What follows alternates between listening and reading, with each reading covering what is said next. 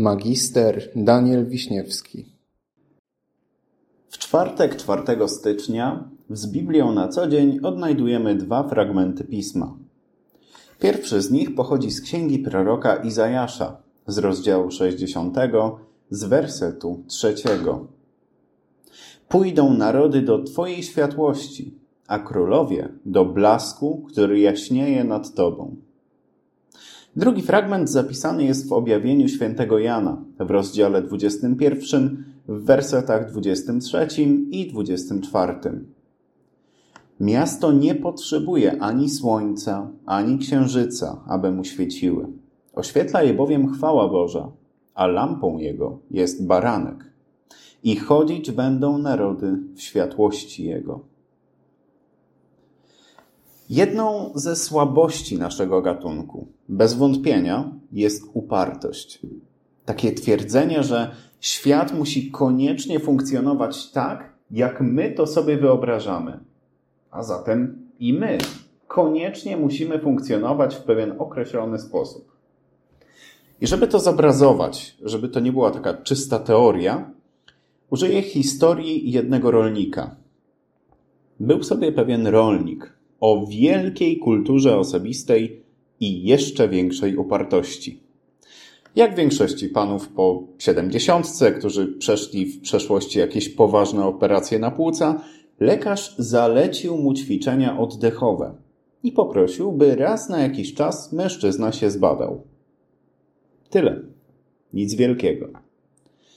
Po wysłuchaniu tych zaleceń, rolnik, zgodnie ze swoją wielką kulturą osobistą, podziękował lekarzowi, a następnie, zgodnie ze swoją jeszcze większą upartością, totalnie go zignorował.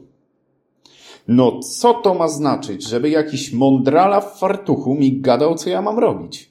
No tego jeszcze nie było. Moi przodkowie żyli normalnie, według tego samego rytmu, co i ja do tej pory.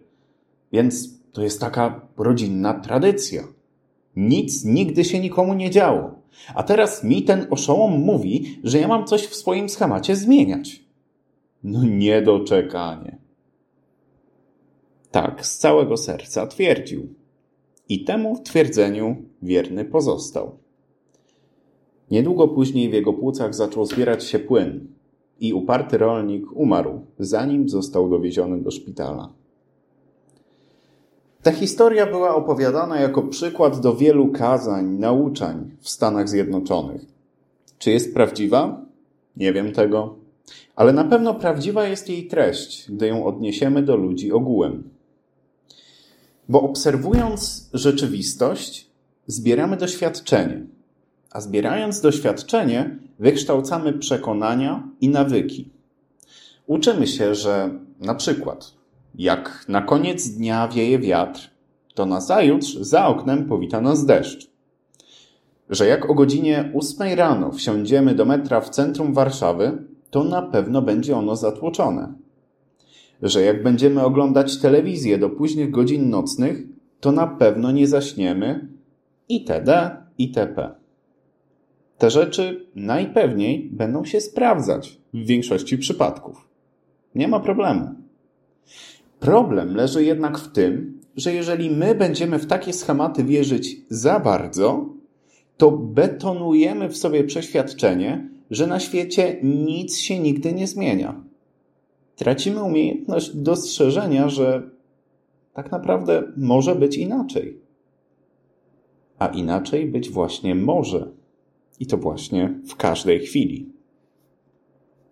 Pięknym świadectwem tej prawdy jest Chociażby dzisiejszy fragment z objawienia Jana, opowiadający o Nowym Jeruzalem. Przeczytam teraz kilka wybranych wersetów z tego 21 rozdziału, które opowiadają o tym mieście. Warto to usłyszeć. I widziałem nowe niebo i nową ziemię, albowiem pierwsze niebo i pierwsza ziemia przeminęły i morza już nie ma. I widziałem miasto święte, Nowe Jeruzalem, stępujące z nieba od Boga, przygotowane jak przyozdobiona oblubienica dla męża swego, mające chwałę Bożą. Blask jego podobny do blasku drogiego kamienia, jakby jaspisu, lśniącego jak kryształ. Miało ono potężny i wysoki mur. Miało dwanaście bram, a na bramach dwunastu aniołów i wypisane imiona dwunastu plemion synów izraelskich. A miasto nie potrzebuje ani słońca, ani księżyca, aby mu świeciły. Oświetla je bowiem chwała Boża, a lampą jego jest baranek. I chodzić będą narody w światłości jego, a królowie ziemi wznosić będą do niego chwałę swoją. A bramy jego nie będą zamknięte w dzień, bo nocy tam nie będzie. Zatem miasto zstępujące z nieba na ziemię, całe wyłożone drogimi kamieniami, oświetlone ciągle jak za dnia i to bez udziału słońca?